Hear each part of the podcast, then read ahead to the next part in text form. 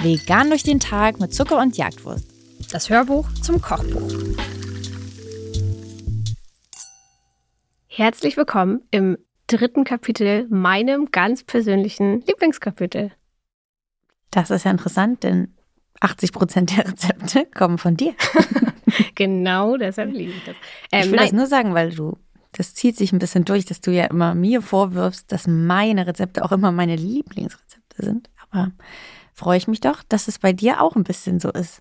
Ja, auf jeden Fall. Ähm, wir sind bei den Kuchen angekommen. Ihr könnt euch jetzt einen Kaffee nehmen, einen Tee nehmen. Setzt euch irgendwo bequem hin.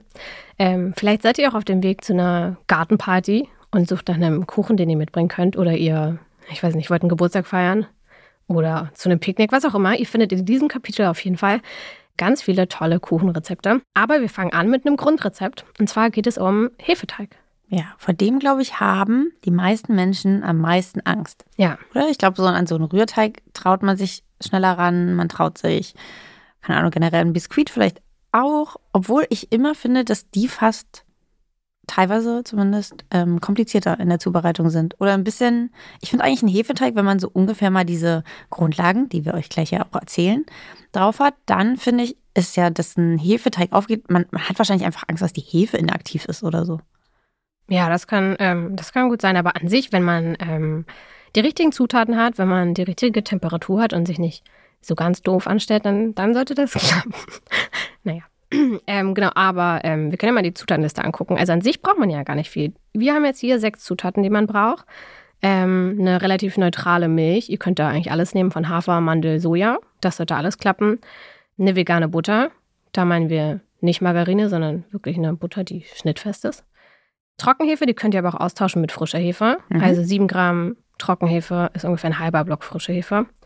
Und dann ist ein bisschen Zucker, normales Mehl, ein bisschen Salz. Für dich. Fertig ist das Ding. Ja, Salz ist, äh, verwirrt die meisten Leute, dass wir mhm. in einigen, es wird jetzt immer mal wieder vorkommen, in diesem Kapitel Salz an süße Rezepte machen. Aber mit einer kleinen Prise wird euer Kuchen nicht salzig, sondern die generell, die Geschmäcker kommen trotzdem besser raus. Deswegen ist es nicht nur generell so Salz in Kombination mit Schokolade oder so eine gute Idee, wo dann wirklich auch der Salzgeschmack rauskommt.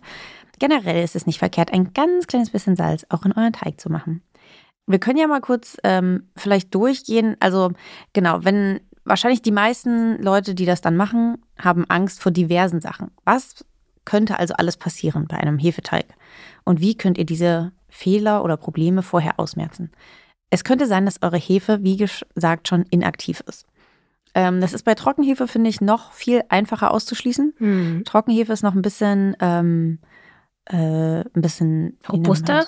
Ja, oder verlässlicher einfach. Mhm. Guckt da auf jeden Fall drauf, ob das Verfalls, also nee, das Verfallsdatum, das Mindesthaltbarkeitsdatum nicht überschritten ist. Ihr müsst die aber dann trotzdem nicht wegwerfen, weil man kann trotzdem auch immer mal kurz vorher testen, ob Hefe aktiv ist. Dafür im Prinzip ist ähm, könnt ihr diesen zweiten Schritt nehmen, nämlich ihr könnt diese erstmal die Flüssigkeit, in dem Fall die Milch, mit Trockenhefe und Zucker erstmal in eine Schüssel geben und dann auch erstmal kurz stehen lassen. Deswegen machen wir das auch hier. Eigentlich müsste man das bei Trockenhefe nämlich nicht machen, sondern nur bei frischer Hefe. Trockenhefe kann eigentlich immer direkt verarbeitet werden. Wir haben es aber trotzdem reingeschrieben, weil es eben auch nicht schadet und euch immer zeigt, ob eure Hefe aktiv ist oder nicht. Denn sobald sich Bläschen auf dieser Oberfläche bilden, wisst ihr, eure Hefe ist aktiv, die arbeitet. Und dann könnt ihr loslegen. Absolut korrekt. Und wenn das nicht so ist, also wenn der Teig nicht aufgeht und da kommen keine Blasen und so, dann Liegt das zum einen eventuell wirklich an der Hefe? Vielleicht hat die Feuchtigkeit gezogen ist abgelaufen, wie du ja gerade schon meintest. Oder eure Zutaten haben halt nicht die richtige Temperatur. Das kann zum Beispiel sein, wenn eure pflanzliche Milch nicht lauwarm ist, sondern die kochend heiß darüber gegossen wird. Ähm, dann kann das der Hefe schaden und dann kann die auch nicht aufgehen.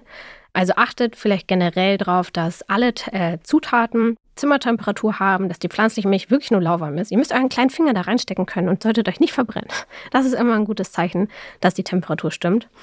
Oder ihr habt vielleicht auch einfach dann später nicht den richtigen Ort ausgewählt zum Gehen lassen von eurem Teig. Ähm, also wenn es da zügig ist, wenn es kalt ist, dann ist das meistens nicht so optimal. Also so Zimmertemperatur an einer schönen, kuscheligen Heizung, das gefällt dem Hefeteig richtig, richtig gut.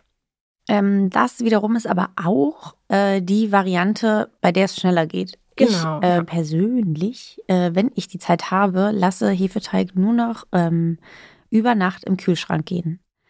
was erstmal total wirr wirkt, weil wir euch jetzt erzählt haben, dass es warm sein sollte, dass die Milch warm sein sollte. Das stimmt ja auch alles. Die, wenn ihr aber sozusagen diese Zubereitung, äh, so wie sie da steht, verfolgt, dann wird die Hefe ja eben auch schon aktiviert. Und in den Kühlschrank, ein, ein Hefeteig in den Kühlschrank zu stellen, heißt nicht, dass der Teig danach nicht mehr geht und die Hefe inaktiv wird. Es geht nur alles viel langsamer. Aber da habt ihr ja dann eine ganze Nacht dafür Zeit. Und ich habe auch immer das Gefühl gehabt, der Hefeteig wird deutlich geschmeidiger in der Konsistenz, wenn er im Kühlschrank war über Nacht. Und der lässt sich auch besser verarbeiten, finde ich, danach, besser kneten. Und er schmeckt auch tatsächlich ein bisschen intensiver, ein bisschen runder. Also ja, irgendwie finde ich so, wenn man Sachen Zeit lässt, ist es ja meistens ein bisschen besser. Und ich finde das bei Hefeteig auch so. Ähm, dadurch, dass ja ein Hefeteig zweimal geht, also einmal am Anfang, diese sogenannte Bulk Fermentation, und auch danach nochmal, nachdem ihr es geformt habt, könnt ihr euch tatsächlich auch entscheiden, eine von beiden im Kühlschrank zu machen. Man sollte nicht beide im Kühlschrank machen, aber eine von beiden könnt ihr beim Kühlschrank machen. Und ich finde auch praktisch daran, dass man so auch den ganzen Backprozess ein bisschen strecken kann und nicht alles auf einmal hat. Also wenn ihr die Kuchenparty habt, dann könnt ihr natürlich auch eben den Hefeteig schon mal am Vorabend ansetzen und müsst dann am nächsten Morgen nur noch alles wie auch immer weiter verfolgen, füllen, formen, backen. Ja, und wenn ihr es dringend braucht und jetzt genau. in zwei Stunden haben wollt, dann sucht euch ein warmes Plätzchen. Es geht beides, ganz wunderbar. Deswegen keine Angst vorm Hefeteig. Und damit sind wir fast durch mit unseren Tipps, oder? Hast du noch irgendwas? Nee, alles weitere Toll. findet ihr auch auf den nächsten Seiten. Denn als Grundlagenrezept findet ihr ähm, nicht nur dieses Basic-Rezept, sondern auf den anderen Seiten, wenn ihr blättert, Ideen für Füllungen, Ideen für Toppings, Ideen für Formen, damit ihr nicht immer nur vielleicht die gleichen Zimtschnecken macht, ähm, die wir alle lieben, aber vielleicht will man ja auch mal was anderes ausprobieren.